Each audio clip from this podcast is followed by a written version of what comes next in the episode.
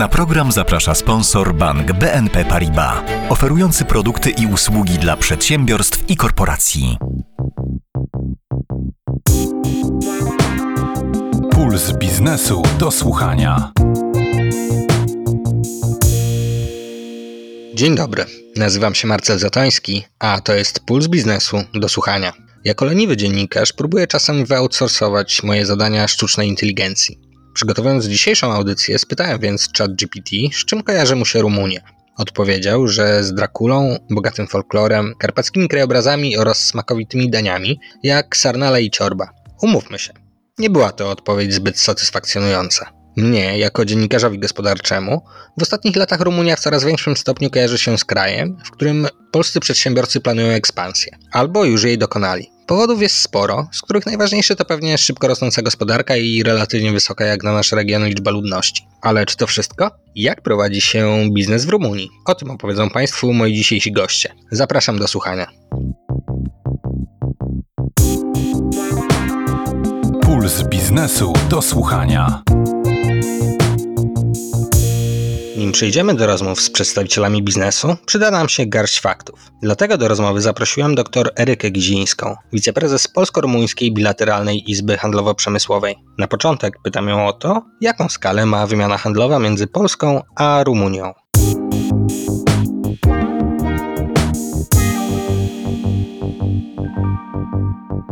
Rumunia to kraj, który dynamicznie się zmienia, zarówno pod względem społecznym, jak i gospodarczym.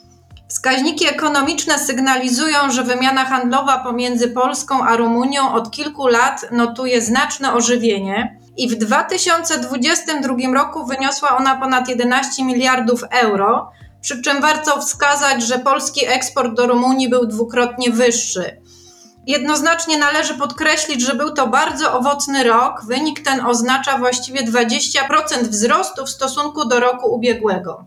A jakie produkty i usługi najczęściej importujemy z Rumunii? Jeśli chodzi o strukturę, to z Rumunii importujemy głównie maszyny, urządzenia i sprzęt elektryczny. Jest to tak można powiedzieć średnio 27% całego importu. Pojazdy i środki transportu jest to około 17%, a także tworzywa sztuczne, gumy, artykuły z nich wytworzone to jest około 11%. Natomiast ja bym tutaj uzupełniła, ponieważ członkowie naszej izby reprezentują znacznie szerszy zakres branż, z czego warto wymienić branżę budowlaną, chemiczną, sanitarną, logistyczną oraz rolno-spożywczą. Z kolei do Rumunii kierujemy maszyny i urządzenia, ale także gotowe artykuły spożywcze i napoje. I chciałabym tutaj dodać, ponieważ w marcu tego roku nasza izba była partnerem Krajowej Izby Gospodarczej w organizacji misji gospodarczej do Rumunii. I byliśmy obecni w Bukareszcie podczas rumuńsko-polskiego forum biznesu z udziałem premierów obu krajów. I prowadzone tam rozmowy z przedstawicielami biznesu jakby jednoznacznie potwierdzają bilateralne zainteresowanie wymianą handlową. Ja bym dodała, że Rumunia ma ogromny potencjał. Myślę, że można ją rozważać jako ciekawy kierunek do rozwoju biznesu. W naszej izbie my praktycznie codziennie odbieramy zapytania związane z rynkiem rumuńskim czy prowadzeniem działalności handlowej w Rumunii. A co trzeba zrobić, by założyć firmę w Rumunii? Ile trwają takie procedury, ile to kosztuje? Odpowiem tak po menedżersku, że to zależy. Zainteresowanie założeniem firmy w Rumunii jest e, coraz większe i to głównie ze strony polskich inwestorów. Koszty są uzależnione właściwie od rodzaju firmy, jak również powiedziałabym cen doradców lokalnych, w tym głównie prawników. Może to być rząd wielkości 200-700 euro, tak ogólnie. Natomiast oczywiście wszystko zależy od y, już takich szczegółów. Najczęściej zakładane są spółki tak zwane SRL, to można by powiedzieć, że to jest odpowiednik naszej spółki z OO. I tam głównie atrakcyjne jest opodatkowanie, które wynosi około 3% od dochodu lub nawet mniej, jeżeli w takiej firmie zatrudniony jest co najmniej jeden pracownik na etat. Można również wybrać jednoosobowe przedsiębiorstwo z wyższymi podatkami i bez ograniczeń odpowiedzialności przedsiębiorcy. Jest ono oczywiście łatwiejsze do zarządzania w sposób y, korporacyjny. Natomiast tu po więcej szczegółów ja bym odesłała naszych słuchaczy do strony internetowej rumuńskiej Invest Romania www.gov.ro i jest to strona rumuńskiego organu rządowego, która zajmuje się udzielaniem profesjonalnego wsparcia i doradztwa wszystkim inwestorom zagranicznym w Rumunii, więc y, no oczywiście tutaj myślę, że to jest najlepsze źródło informacji. No również jeżeli ktoś z Państwa tutaj byłby zainteresowany, to zapraszamy również do nas i my jako Izba Bilateralna mamy pewne doświadczenie, więc też już każdy przypadek indywidualnie możemy rozpatrzyć i, i doradzić polskim przedsiębiorcom. Z większością gości dzisiejszej audycji rozmawiam o polskich firmach inwestujących w Rumunii. A jak to wygląda w drugą stronę? Jakie są przykłady firm z Rumunii, które zainwestowały w Polsce i w których branżach ich aktywność jest największa czy najbardziej widoczna? Znaczy, ja bym powiedziała, że te proporcje są znacznie zaburzone, ponieważ w Polsce nie ma zbyt wielu firm rumuńskich. Polski rynek określany jest jako mocno konkurencyjny. No i niewątpliwie dużą barierą jest tutaj język polski. Właściwie mogę podać kilka firm rumuńskich, które zainwestowały w Polsce. Najbardziej widoczne są takie firmy jak Taylor, jest to sprzedawca złotej i srebrnej biżuterii. I myślę, że tak dość mocno rozpoznawalna jest firma Superbet, to są zakłady bukmacherskie. Natomiast z naszego doświadczenia, tak powiem kolokwialnie trochę izbowego, bardzo aktywni są również mniejsi przedsiębiorcy. Może nie są to firmy znane z pierwszych stron gazet, ale są to producenci, dystrybutorzy win, szeroko pojęta branża spożywcza, więc e, myślę, że tutaj te firmy inwestują, natomiast nie są to tak znaczące marki jak na przykład polskie marki, które są w gronie największych inwestorów w Rumunii. I tak korzystając z okazji, chciałabym zachęcić właśnie firmy, które dopiero rozważają ekspansję na rynek rumuński, do kontaktu z nami, ponieważ my zrzeszamy wielu przedsiębiorców, którzy przeszli tą drogę, no i chętnie podzielam się swoimi doświadczeniami. Bardzo dziękuję za rozmowę. Moim gościem była dr Eryka Gizińska, wiceprezes Polsko-Rumuńskiej Bilateralnej Izby Handlowo-Przemysłowej. Dziękuję za rozmowę.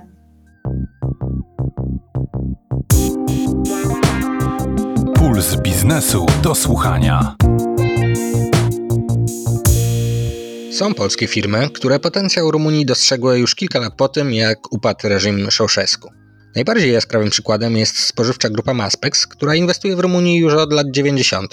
i to inwestuje dużo oraz z zyskiem. Ma w tym kraju cztery zakłady produkcyjne.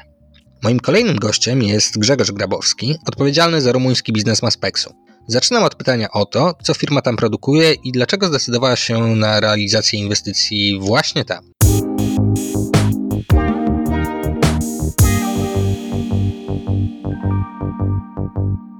Tym momencie, tak jak już Pan wspomniał, mamy cztery zakłady. Największym i najstarszym zakładem jest e, tak w centralnej części Rumunii, w miasteczku Valeni de Munte. Zakład, w którym produkujemy soki, napoje, nektary w różnego rodzaju opakowaniach, w kartonach, w szkle, w pecie. Produkty instantowe typu gorąca czekolada, cappuccino oraz mamy część taką przekąskową, gdzie produkujemy przekąski słodkie oraz słone i na końcu makarony. A druga nasza fabryka to jest w Atradornej, to jest bardziej e, północna część Rumunii. Tam e, mamy zakład e, produkujący wodę mineralną pod brandem Bukowina i tam wodę mineralną gazowaną oraz niegazowaną również w różnych rodzajach opakowań, w dwulitrowym, pięcio. I jeszcze mamy dwie dużo mniejsze fabryki, Jedna na południu czyli granicy z Bułgarią, w Dżuku, gdzie produkujemy również wodę, ale wodę źródlaną oraz w tym Miszoarze, gdzie produkujemy wodę stołową. Natomiast dlaczego Rumunia? Myślę, że w tym regionie, zaraz po Polsce, no to jest taki drugi kraj pod względem populacji, prawie 18 milionów ludzi. No i jednak możliwości rynków zaraz po Polsce, no to tak wydaje się najlepszym następnym krokiem. A wy tę produkcję z Rumunii kierujecie tylko na tamtejszy rynek wewnętrzny, czy ona też idzie na eksport? Z tych fabryk, szczególnie z tej fabryki w Valeni de Munte, obsługujemy prawie wszystko, co sprzedajemy w Bułgarii. Tam również jesteśmy jednym z głównych graczy na rynku soków, napojów oraz wody oraz Mołdawii. A ile pieniędzy zainwestowaliście do tej pory w Rumunii? Bo jesteście tam od bodajże 96 roku. Historia dosyć długa, niedługo będzie 30 lat. Są to okolice 180 milionów euro do tej pory w te wszystkie cztery zakłady, które posiadamy. Ile osób tam zatrudniacie i jaką macie pozycję na rumuńskim rynku spożywczym? Jeżeli chodzi o naszą pozycję, to w sokach, e, napojach, nektarach jesteśmy numerem jeden i to ciekawa historia, bo brand y, polski no jest y, numerem jeden na rumuńskim rynku, praktycznie zbudowany od zera. Również jesteśmy numerem jeden na rynku Weisty, w pierwszej trójce producentów wodnych również i przekąsek słonych. Zatrudniamy w tym momencie około 1700 osób. A co przez te prawie 30 lat prowadzenia biznesu w Rumunii zmieniło się z Waszej perspektywy w tym, jak biznes się prowadzi i czy ta działalność w jakiś znaczący sposób różni się od prowadzenia biznesu w Polsce? Nie mam zbyt dużego doświadczenia, jeżeli chodzi o prowadzenie biznesu w Polsce, bo prawie całe życie profesjonalne poza Polską spędziłem. Natomiast z tego, co widzę, w tym momencie różnic jako takich bym nie uważam, że są. Natomiast te lata 90. no to było bardzo dużo możliwości. W tym momencie zbudowanie, tak jak mówię, brandu praktycznie od zera na tym rynku wydaje się niemożliwe. Natomiast wtedy no, mając jakieś prawda, fundusze oraz pomysł, można było coś jeszcze zbudować. Bardzo dziękuję za rozmowę. Moim gościem był Grzegorz Grabowski, dyrektor generalny w grupie Maspex, odpowiedzialny m.in. za rynek rumuński. Dziękuję bardzo.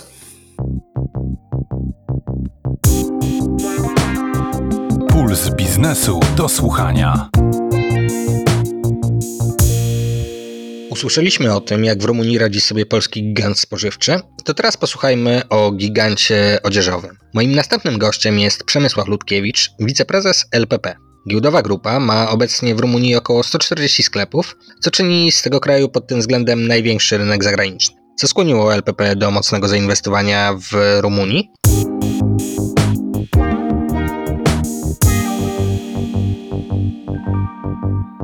Tak, już mamy nawet ponad 150 sklepów na koniec pierwszego kwartału tego roku. Jesteśmy obecni na tym rynku już 15 lat, od 2008 roku.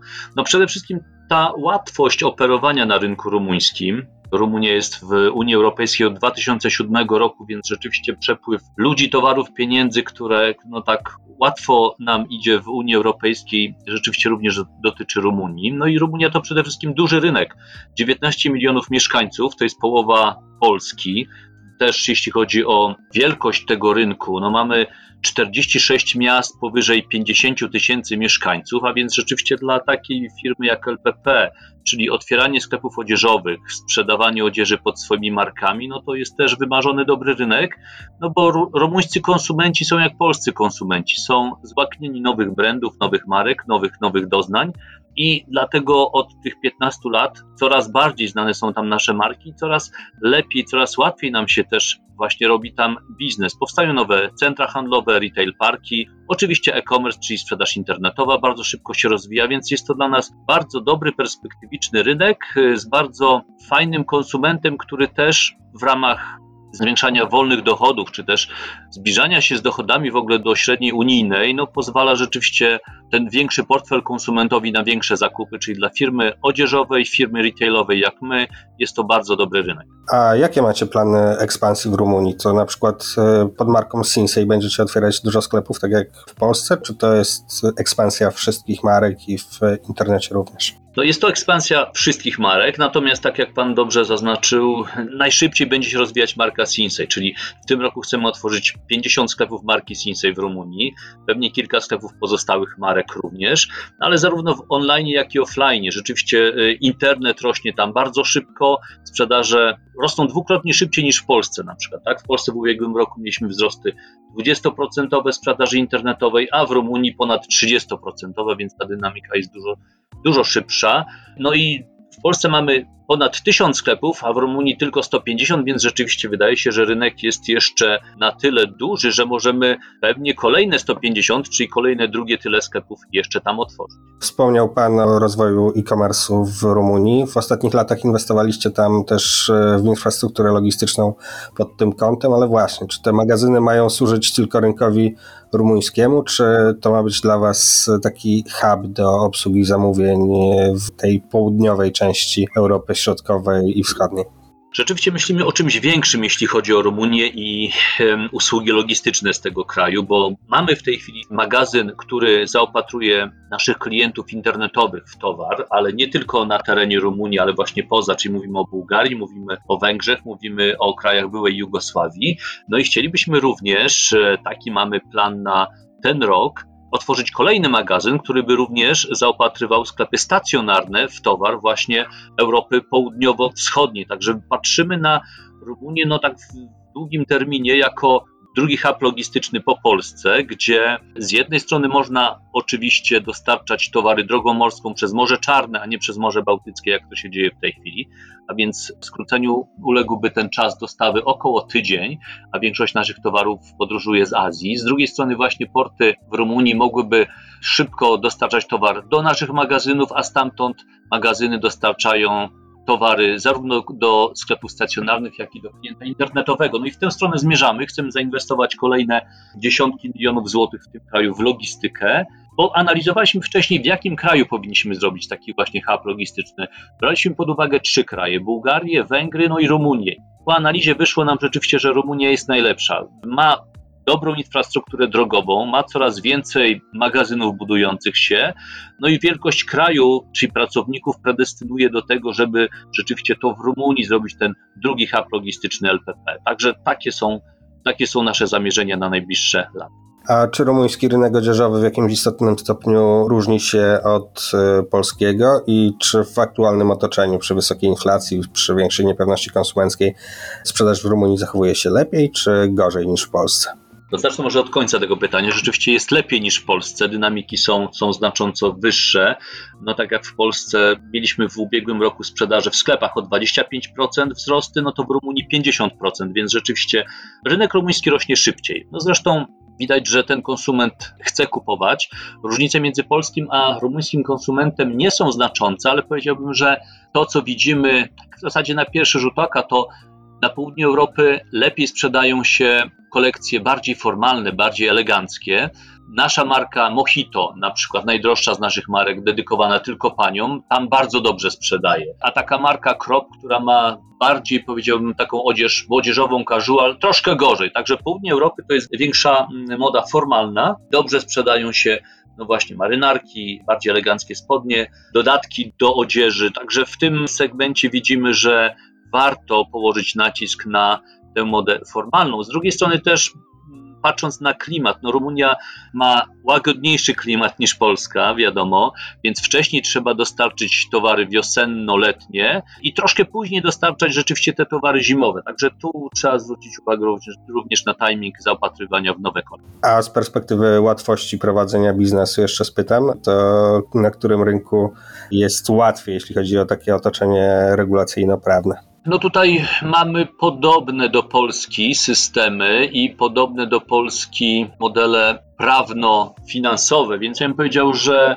chyba w Polsce jest jeszcze ciągle troszkę łatwiej. Rumunia dopiero zmienia swoje prawo pod kątem prawa unijnego, więc mamy jeszcze troszkę takich starych zapisów, które nam no, utrudniają, ale widzę, że Rumunia idzie w dobrą stronę, także otwartość głów ludzi, otwartość na biznes, powiązanie zresztą z biznesami europejskimi, z Unią Europejską jest już coraz, coraz większe. Podobne są problemy jak w Polsce z bardzo niskim bezrobociem, to znaczy, że trudno znaleźć dobrych pracowników do pracy, więc generalnie rynek rumuński robi się coraz bardziej dojrzały, coraz trudniejszy i w zasadzie wpisuje się w ramy ogólnego rynku europejskiego, jeśli chodzi o prowadzenie interesów. Bardzo dziękuję za rozmowę. Moim gościem był Przemysław Ludkiewicz, wiceprezes LPP. Dziękuję bardzo.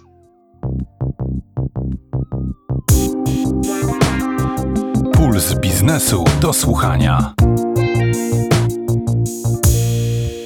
Aspex i LPP to firmy z wieloletnią historią i doświadczeniem w ekspansji na wielu rynkach zagranicznych. Znacznie krótszą historię i mniejsze doświadczenie w tym zakresie ma spółka Polski Standard Płatności, czyli operator świetnie znanego w Polsce systemu BLIK, który uruchomiono w 2015 roku. BLIK ma ambicje międzynarodowe i w tym roku powołał w Rumunii spółkę. Jej szefem jest Ryszard Drużyński, czyli mój następny gość. Pytam go o to, dlaczego polski system płatności widzi potencjał właśnie w Rumunii.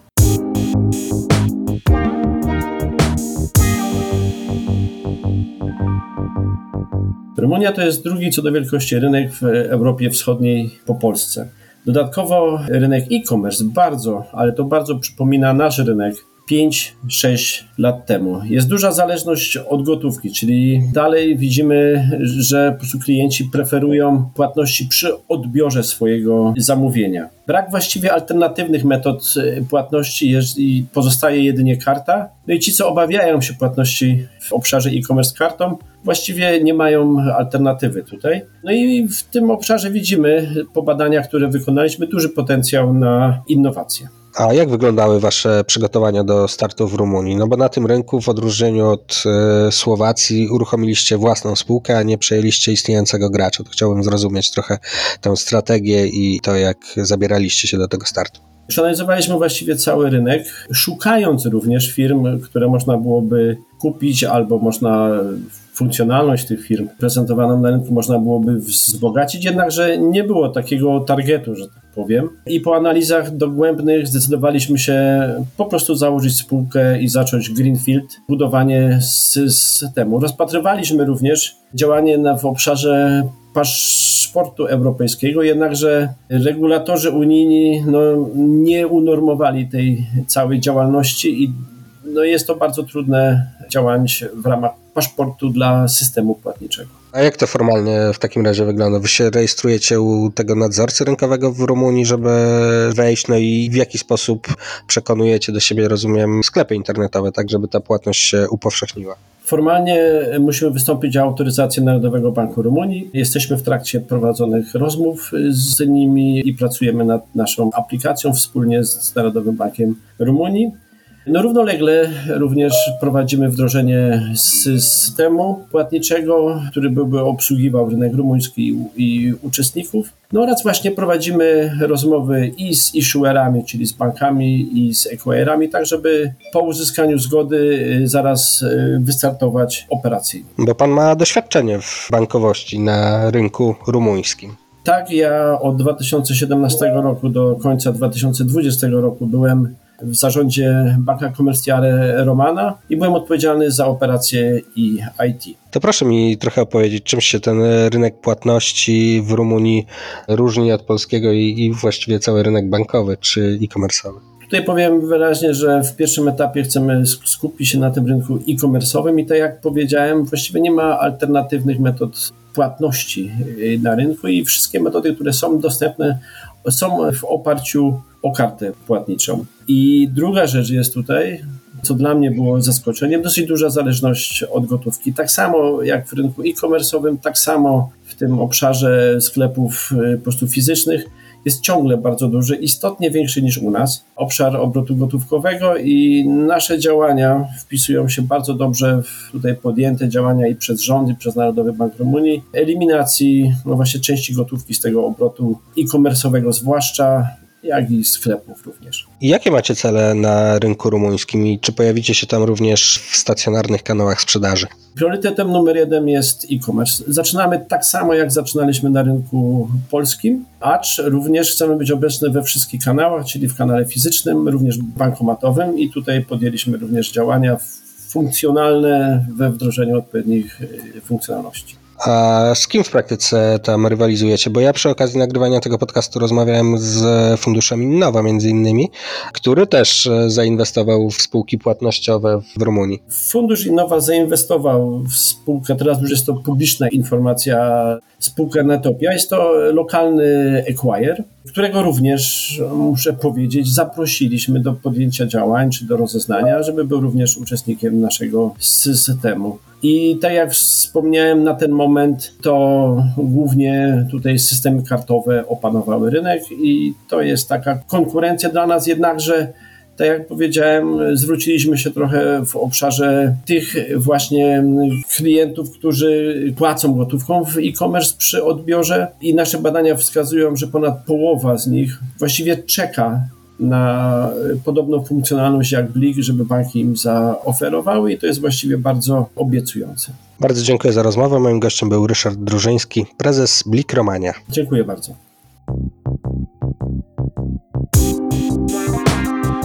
Puls biznesu do słuchania. Rumunia przyciąga uwagę spółek z różnych branż. Przyciąga też uwagę inwestorów finansowych. Operujące z Polski fundusze private equity często chcą i mogą lokować swoje inwestycje w całym regionie Europy Środkowej i Wschodniej. W praktyce jednak najczęściej kupują spółki albo u nas, albo w Rumunii. Mój ostatni gość to Leszek Muzyczyszyn, senior partner funduszu Innowe. Fundusz ten ostatnio kupił w Rumunii grupę Netopia, operującą na rynku płatności. W portfelu ma też płatnościowy PayPoint Romania i optyczną grupę Optical Investment Group. Podobnie jak poprzednich rozmówców, na dobry początek pytam go o to, co skłania fundusz do lokowania inwestycji w Rumunii.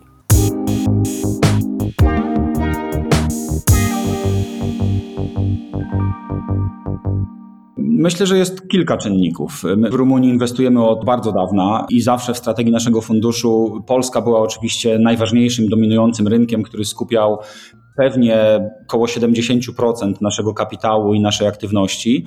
Natomiast z pozostałych rynków regionu Rumunia zawsze była na pierwszym miejscu, była najważniejsza.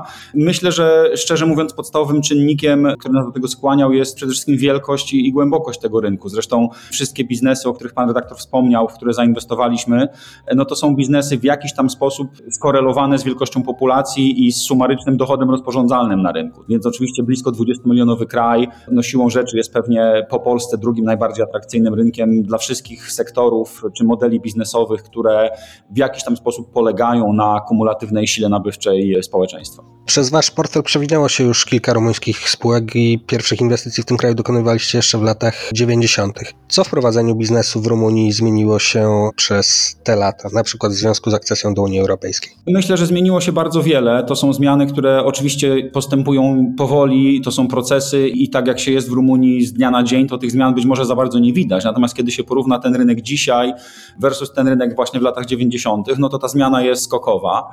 Myślę, że na pewno normalizowały się wszystkie jakby instytucje i procesy rynkowe, które są gdzieś tam w tym ekosystemie transakcyjnym, począwszy od y, ekosystemu doradców prawnych, finansowych, podatkowych, poprzez ileś tam rozwiązań na rynku finansowania.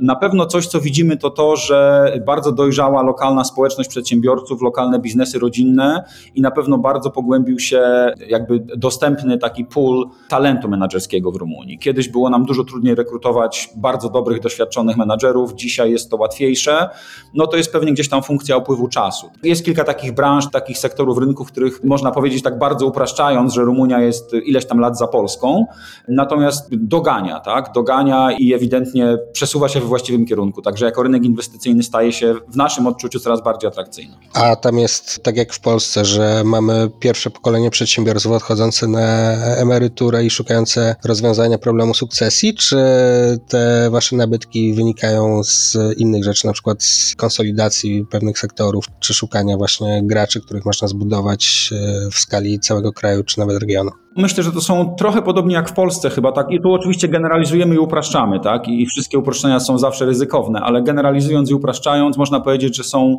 jakby dwie grupy transakcji podstawowe. Jedna to są tak zwane transakcje sukcesyjne, jak my na to mówimy, czyli biznesy rzeczywiście założone w latach 90., minęło 30 lat i z różnych powodów nie ma rozwiązania sukcesyjnego w ramach rodziny, która biznes założyła, czy rodziny przedsiębiorcy. No i wtedy musi nastąpić jakieś wydarzenie kapitałowe. Spółka musi zmienić właściciela, wpuścić inwestora, wejść na giełdę, coś ze sobą zrobić, żeby ten majątek na następne pokolenie jakoś tam ochronić, zabezpieczyć. To jest jakby jedna grupa. Druga grupa to są ci przedsiębiorcy już drugiej generacji, czyli to są dzisiejsi 30 kilku, 40-latkowie, którzy założyli biznes kilka lat temu i często założyli go z bardzo jasną wizją tego, żeby go zbudować, zwiększyć gwałtownie jego wartość, doprowadzić go do momentu, w którym staje się atrakcyjny dla jakiegoś branżowego nabywcy i po prostu go sprzedać. Czyli tacy przedsiębiorcy, powiedziałbym, bardziej tacy nastawieni na realizację zysku niż nastawieni na budowanie rodzinnego biznesu na pokolenia. I my pracujemy z jednymi i z drugimi. Tych pierwszych jest oczywiście więcej, natomiast tych drugich spotykamy coraz częściej.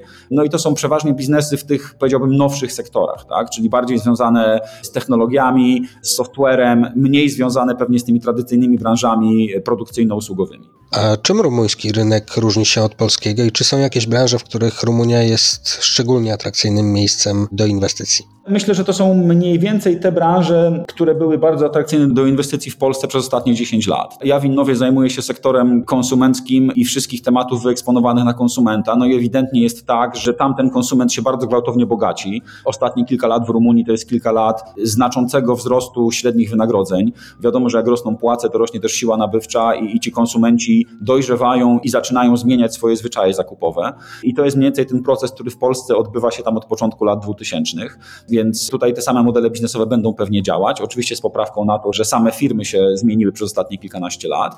Natomiast no, jakąś tam emanacją naszych przekonań co do tego, w co warto inwestować, jest nasz aktualny portfel w Rumunii, gdzie mamy spółkę konsumencką i dwie spółki płatnościowe, które ze swej idei swój model biznesowy opierają na rosnącej częstotliwości i wartości płatności dokonywanych przez konsumentów w różnych formach i w różnych miejscach. Więc widać wyraźnie, że gdzieś tam te inwestycje są wyrazem naszego przekonania, że rosnąca siła nabywcza i rosnąca aktywność konsumentów i w offline, i w online, no to jest coś, na co w Rumunii można stawiać. Natomiast są też w Rumunii ciekawe biznesy poza sektorem konsumenckim, są też biznesy industrialne, bardziej produkcyjne, usługowe. I znowu, to nie będą jakieś dramatycznie inne pomysły i inne sektory niż te, na które patrzymy w Polsce. Te rynki są, mimo pewnych różnic geograficzno-klimatyczno-kulturowych, to są rynki w sumie do siebie podobne, tylko tak jak mówię, oczywiście jest to krzywdzące uproszczenie, ale z pewnym przesunięciem czasowym. A jak wygląda konkurencja w segmencie funduszy private equity na rynku rumuńskim? Czy y, są tam y, aktywne duże globalne fundusze, czy raczej rywalizujecie z funduszami regionalnymi, czyli między innymi, czy głównie tymi, które mają siedzibę w Polsce, ewentualnie w Czechach? Dla dużych, powiedzmy, globalnych czy paneuropejskich funduszy, to myślę, że Rumunia gdzieś tam jest na mapie i na radarze. Natomiast myślę, że relatywnie niżej niż Polska, pewnie z powodu tego, że po pierwsze w Polsce jednak jest więcej spółek takiej wielkości, która dla tych funduszy globalnych może być interesująca. No i pewnie percepcja globalnego ryzyka jednak w stosunku do Polski jest korzystniejsza. Rumunia jest uważana za rynek nieco wyższego ryzyka. To jakby jest jedna rzecz. Jeśli chodzi o fundusze z naszego regionu, no to oczywiście konkurujemy z, z naszymi polskimi konkurentami, którzy wszyscy mają Rumunię w swoim mandacie inwestycyjnym i, i, patrzą tam na transakcje i robią tam transakcje. I widzimy też y, rosnącą gwałtownie, między innymi dzięki wsparciu środków z Europejskiego Funduszu Inwestycyjnego, taką populację czy uniwersum lokalnych funduszy rumuńskich, skoncentrowanych na trochę mniejszych transakcjach i, i nakierowanych głównie na rynek rumuński wyłącznie, czyli takie trochę country specific, jak to się mówi, fundusze. To są najczęściej fundusze, które robią transakcje trochę mniejsze, czyli tam powiedzmy od kilku do małych, małych kilkunastu milionów euro per transakcja.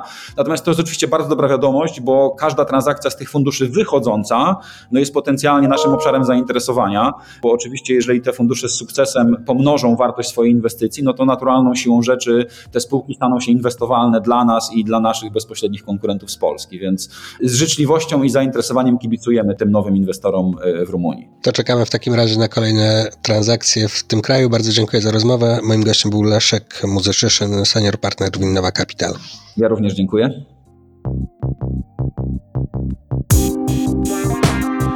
Puls biznesu do słuchania.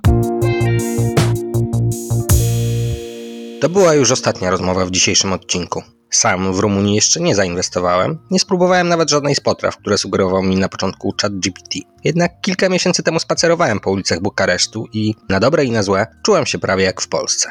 Za tydzień spotka się z Państwem mój redakcyjny kolega Łukasz Korycki, który zapowiedział, że jego odcinek będzie dotyczył zupełnie innego tematu, bo będzie dotyczył golfa. Ja już dziękuję za uwagę. Nazywam się Marcel Zatoński, a to był Puls Biznesu do słuchania.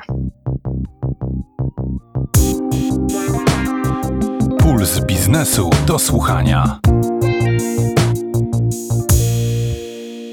Na program zapraszał sponsor bank BNP Paribas, oferujący produkty i usługi dla przedsiębiorstw i korporacji.